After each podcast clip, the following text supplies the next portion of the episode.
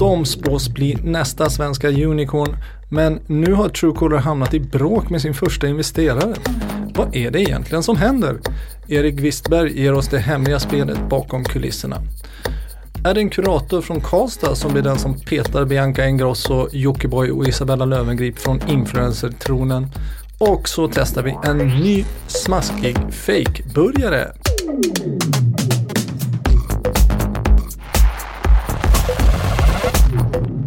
Varmt eh, välkomna till Breakis podcast.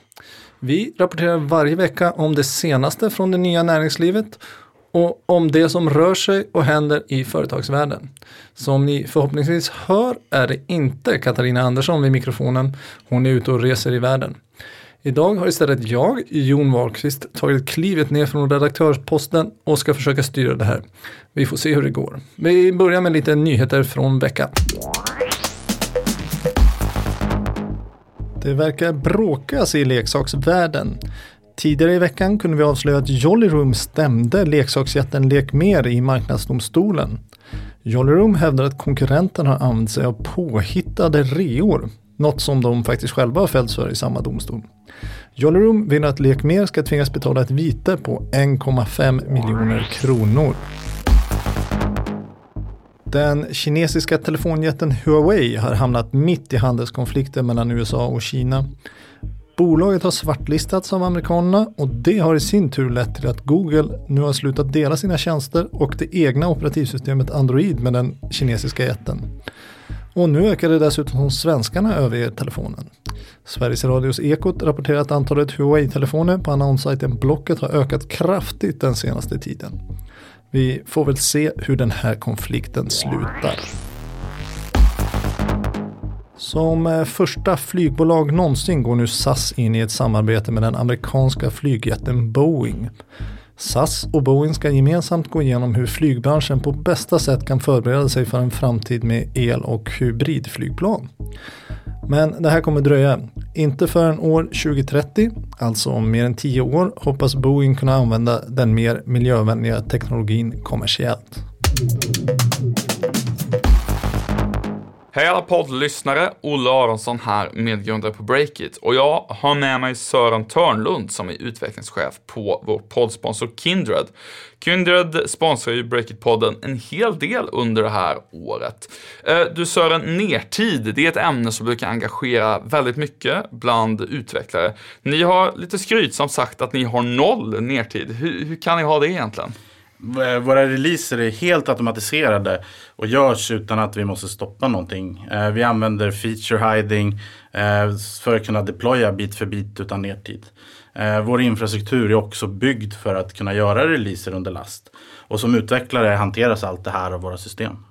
Om vi tar ur Breakers perspektiv är det värsta som kan hända att sajten kraschar ihop och vi förlorar annonsintäkter en stund. Det är ju skitjobbigt men kanske inte helt katastrofalt ändå. Hur är det för er? Vad är det, vad är det värsta som kan hända? Är det att ni kraschar mitt under VM-finalen i fotboll eller eh, vad är det värsta och hur skyddar ni mot det? Ja, det är en, en superintressant fråga.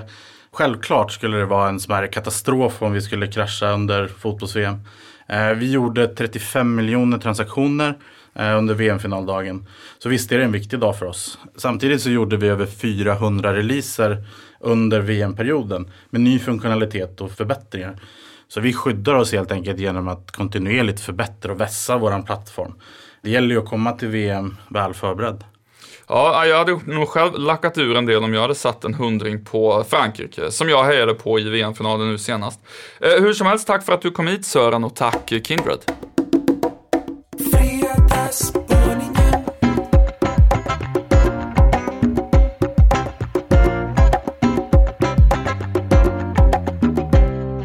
Influencers som Isabella Löwengrip och Bianca Ingrosso tjänar stora pengar på att marknadsföra produkter från olika företag i sina sociala kanaler.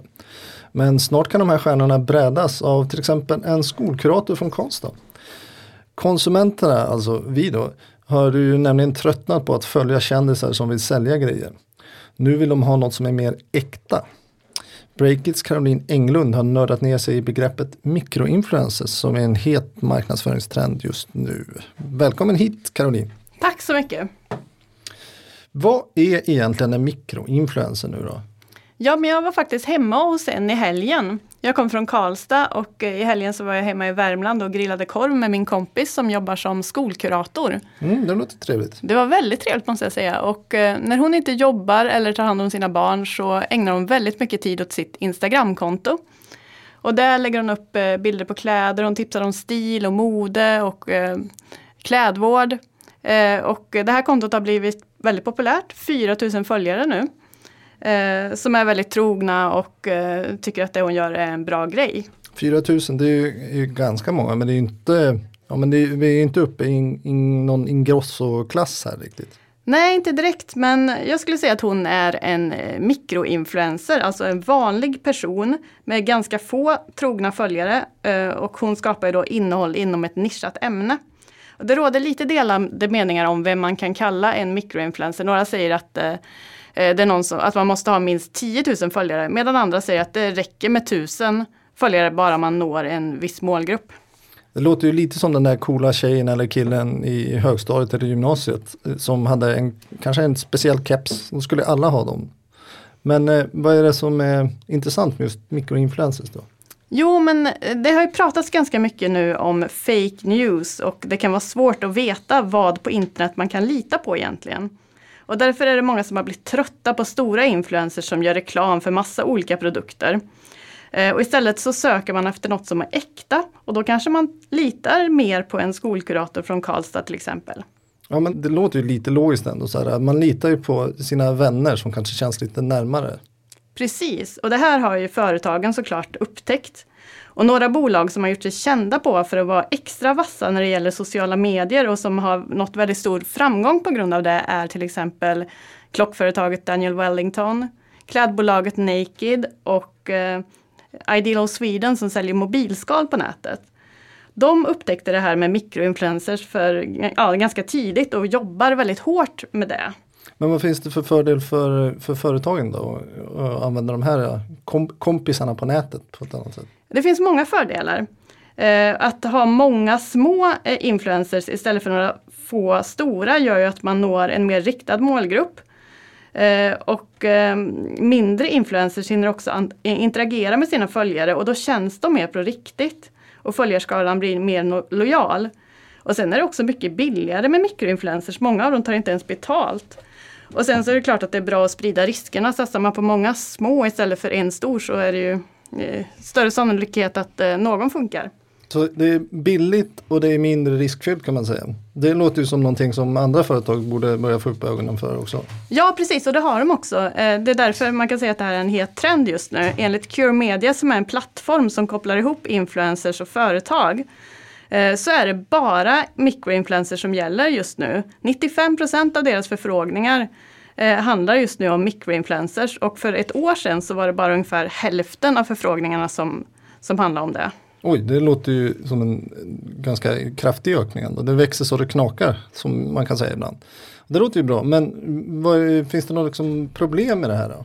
Ja, men alltså det här betyder ju att företagen kommer ganska billigt undan.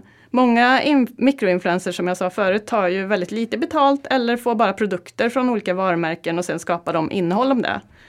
Eh, och det kan ju i sin tur leda eh, till att priserna dumpas för större influencers som faktiskt har det här som ett yrke. Ja, ja men, men vad händer då med de här stora nu? Om, om det bara blir mikroinfluencers? Har vi nått liksom peak Lövengrip och peak Ingrosso? Det tror jag inte. Alltså att göra reklam med stora kändisar kommer nog inte att dö ut i första taget. Eh, och dessutom så har både eh, Bianca Ingrosso och Isabella Lövengrip gjort något som skulle rädda dem om det här ändå skulle hända. För de har ju satsat på egna varumärken där de kan tjäna stora pengar och när de marknadsför sina egna produkter så känns det ju äkta för det är ju deras produkter så att säga. Mm. Så de har sitt på det torra då kan man säga? Det tror jag. Men, men om det här är den nya grejen då måste det bli väldigt svårt liksom att bli en ny superinfluencer. Liksom. Någon som har ett sånt enormt genomslag som till exempel ja, de här vi pratar om, Bianca Ingrosso till exempel. Ja, men jag tror i framtiden så räcker det inte med att vara en skön kändis som berättar om sin livsstil och gör reklam för lite läsk eller spel.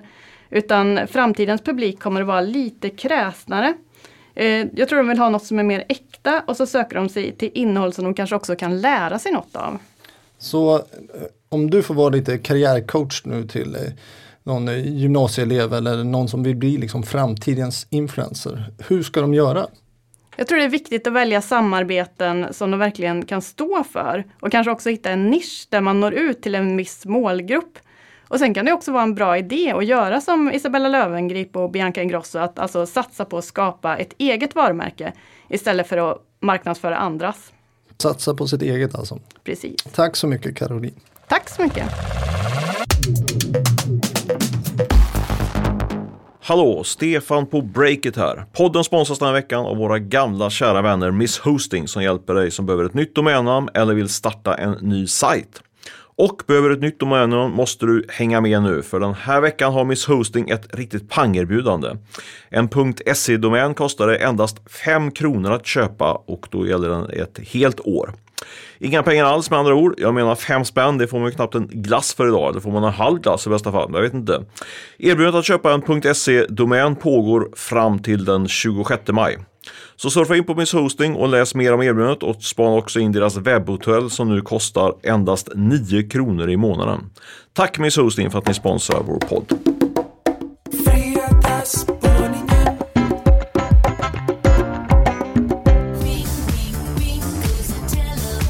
Jag kommer ibland skjuta in så här oväntade saker också.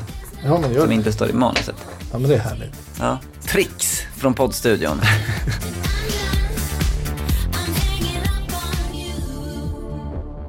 Truecaller är Sveriges nästa unicorn, det säger vissa. Men nu möter techsuccén sin allra första investerare i domstol.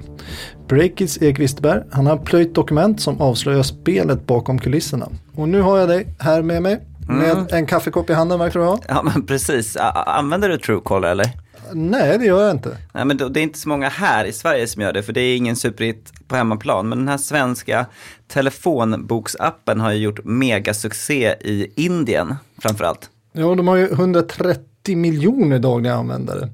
Det är ju otroligt mycket får man säga. Men vad är det som har gjort den så framgångsrik då? Varför funkar det här så bra? Men du vet hur jobbigt det är när det ringer en telefonförsäljare till dig och stör när man inte vill det. I Indien då är ju sådana här spamsamtal inte något som bara händer någon gång ibland utan hela tiden. Och Truecaller blockerar de här oönskade samtalen och smsen. Och så har de hållit in massa användare. Och nu håller de på att bygga ut sin app till ett helt ekosystem med satsningar på meddelanden och betalningar och till och med lån via den här appen då. Mhm. Ja, för de har ju haft väldigt imponerande användarsiffror då, men relativt blygsamma intäkter då. Men det är ju inte det vi ska prata om riktigt idag, utan något betydligt mer spännande. En infekterad strid på Truecaller. I centrum står Truecallers första investerare, Stefan Lennhammer. Vem är han då, Erik? Ja, men han är en eh, sån här finanskille. Han var med och grundade Catella, ett finans och fastighetsbolag och blev ju rejält rik då när han sålde av sin andel. Sen skulle han tillbringa lite mer tid med barnen och sånt där som såna här eh, investerare gärna gör lite. Men han hade tänkt investera sina pengar i fastigheter via ett investmentbolag som han grundade tillsammans med sin fru. För det var ju någonting som han hade koll på då sedan tidigare. Men så sprang han på två unga killar från KTH då. Precis, Alan Mamedi och Nami Saringhalam, de var bara 24 år när de pitchade idén om Truecaller. Och Stefan, han gillade det han såg och hans bolag Reda Capital Management chippade in en halv miljon kronor i vad som blev Stefans första techinvestering enligt vad jag har läst. Ja, och resten av den här historien, det har ju verkligen varit som en saga. Truecaller har gjort succé, även om det liksom har varit tufft ibland som det är. Eh, värderingen ligger på närmare 7 miljarder kronor. Bara Stefan Len- andel är värd närmare en halv miljard. Trots det, avslöjade vi nyligen, har just Stefan Länhammers bolag valt att dra Truecaller till domstol. Ja, det var en riktig bomb faktiskt när jag såg det. Jag trodde inte riktigt mina ögon faktiskt. Det är ju sjukt ovanligt att sånt där händer faktiskt. Men så här är läget. Stefan Lennhammar, han vill sälja sina aktier nu och hämta hem en nästan galen vinst på den här investeringen. Men hans bolag Reda anklagar nu Truecaller för att sabotera deras försäljning av de här aktierna genom att vägra lämna ut information om bolaget. Och det sjukt ovanligt att sådana här saker faktiskt hamnar i en domstol. Man brukar vänja sig till en sån här skiljenämnd där man ju kan göra upp tvister och allt förblir hemligt. Nu däremot finns det ju massor av smaskiga dokument för mig att plöja igenom. Jo, jag har ju sett det här på kontoret lutad över datorn med sådana här hörlurar som stoppar allt brus och du hör ingenting. Så vad är det du har hittat? Det allra mest spännande tyckte jag var att Reda har lämnat in en kopia av det aktieägaravtal som skrevs när Truecaller tog in stora internationella investerare, till exempel de smått legendariska Silicon Valley-gudarna Sequoia. Eh, det här skedde 2014 då. Så jag kände mig lite som ett barn som öppnade den här påsen med lördagsgodis när jag klickade upp dokumentet.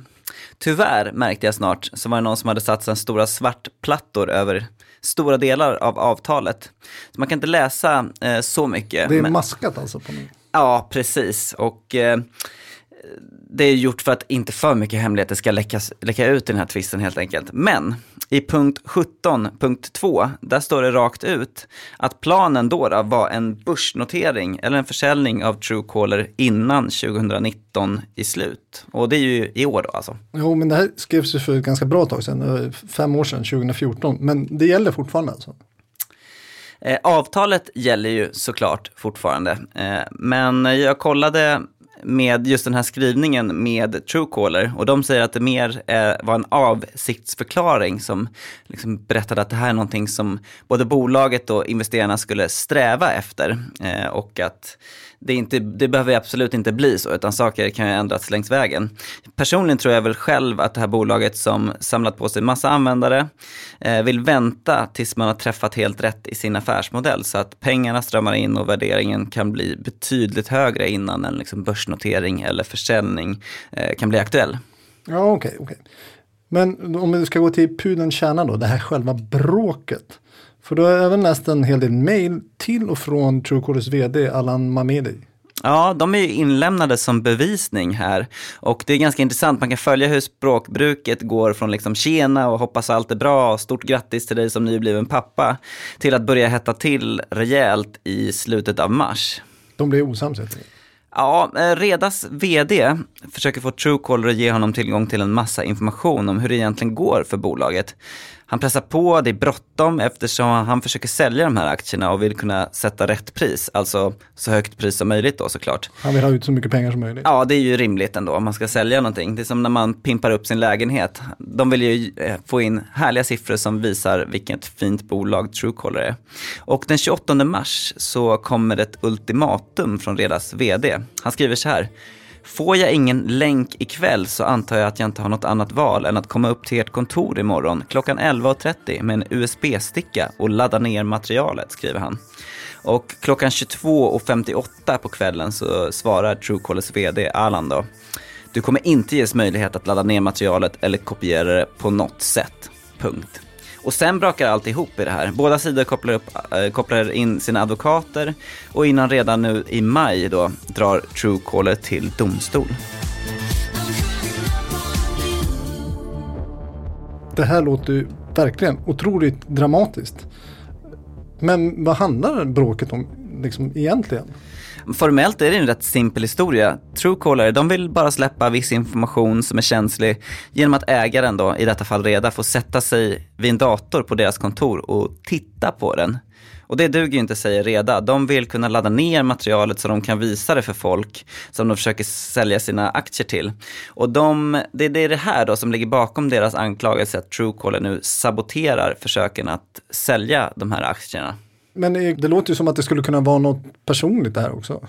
Ja, och i ett mejl så skriver faktiskt Nami, Truecallers vd, att det här handlar om just något inom citationstecken personligt för Stefan Lennhammer, som ju också fram till slutet av förra året var styrelseordförande för Truecaller. Och Redas vd, Carl Ekling, snackar i sin tur om en historik som är ett besvärande inslag i hans jobb. Och det här är saker som framgår av de här mejlen då. Så det här får dig att tro att det här är något annat som ligger bakom det här. Ja men här har vi ju Stefan som investerade i två unga grabbars idé när typ ingen annan ville. De har gjort en helt sjuk resa tillsammans. Stefan lämnar posten som styrelseordförande och bara några månader senare så dras det igång en domstolsprocess. Min instinkt säger att det finns många bottnar i den här konflikten och att det här liksom är en relation som brakat ihop fullständigt av något skäl som jag ska försöka ta reda på framöver helt enkelt. Yes, men om man istället ser på det här eh, rent affärsmässigt då. Finns det någon anledning att bråka då? Ja, men det finns det ju faktiskt. Eh, den senaste kända värderingen av Truecaller kommer från slutet av förra året då Tommy Jakobssons riskkapitalbolag Zenit köpte in sig. Då låg priset per aktie på 212 dollar, vilket sätter ett värde på hela Truecaller på en bit över 6 miljarder kronor. Mycket pengar alltså. Ja, det är mycket. Men Reda har fått höra på stan, verkar det som, att det har sålts aktier till ett högre värde. Du vet, ibland är det vissa ägare som säljer till andra och så vidare. Mm. Och eh, de tror att det går att få ut mer helt enkelt och försökt eh, bekräfta det här med Truecaller. Men då säger de att någon sån information har dock inte kommit från bolaget var, varför uppgiften är obekräftad, skriver de då till Stockholms tingsrätt. Och det är just där skon klämmer. De vet inte vad aktierna är värda eftersom Truecaller tycks vägra berätta det för dem.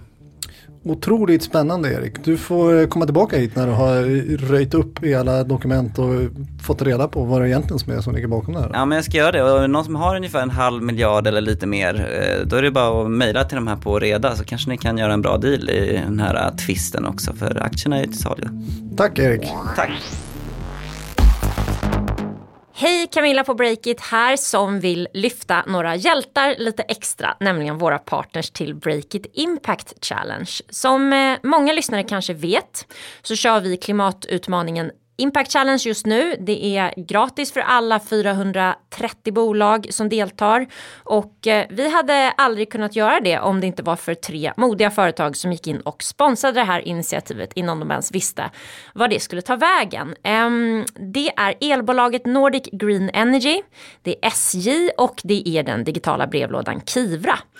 Alla tre har en verksamhet som är grön och klimatsmart så det passar ju väldigt bra att de backar just det här initiativet. Så tusen tack Nordic Green Energy, SJ och Kivra.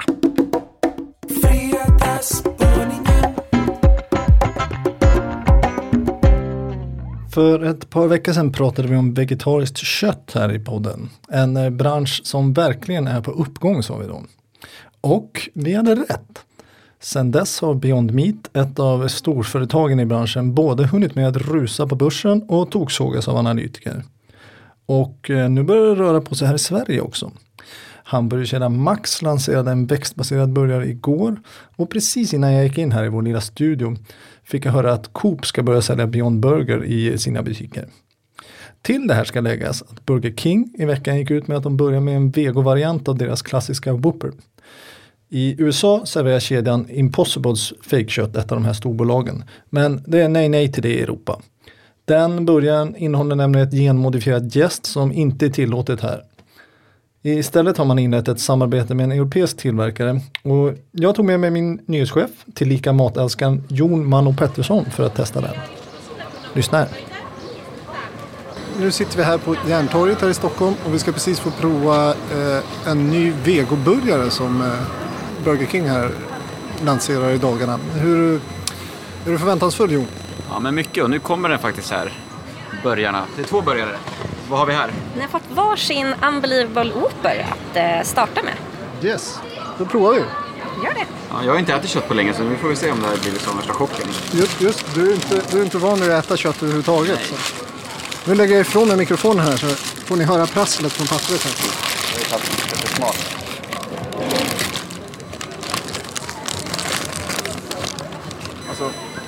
Jag har inte ätit sådana snabbmatsburgare på liksom fyra år kanske. Men det smakar väldigt mycket så som jag minns att det smakade på den tiden. Men du som är fortfarande köttätare, vad, vad tänker du? Jag åt ju en sån här snabbmatsburgare bara häromdagen. Tror jag. äter det hela tiden? Ja, inte riktigt. Men jag måste säga att det är väldigt likt eh, konsistensen. Likt, likt liksom riktigt kött så att säga. Jag ska ta en tugga till kan jag.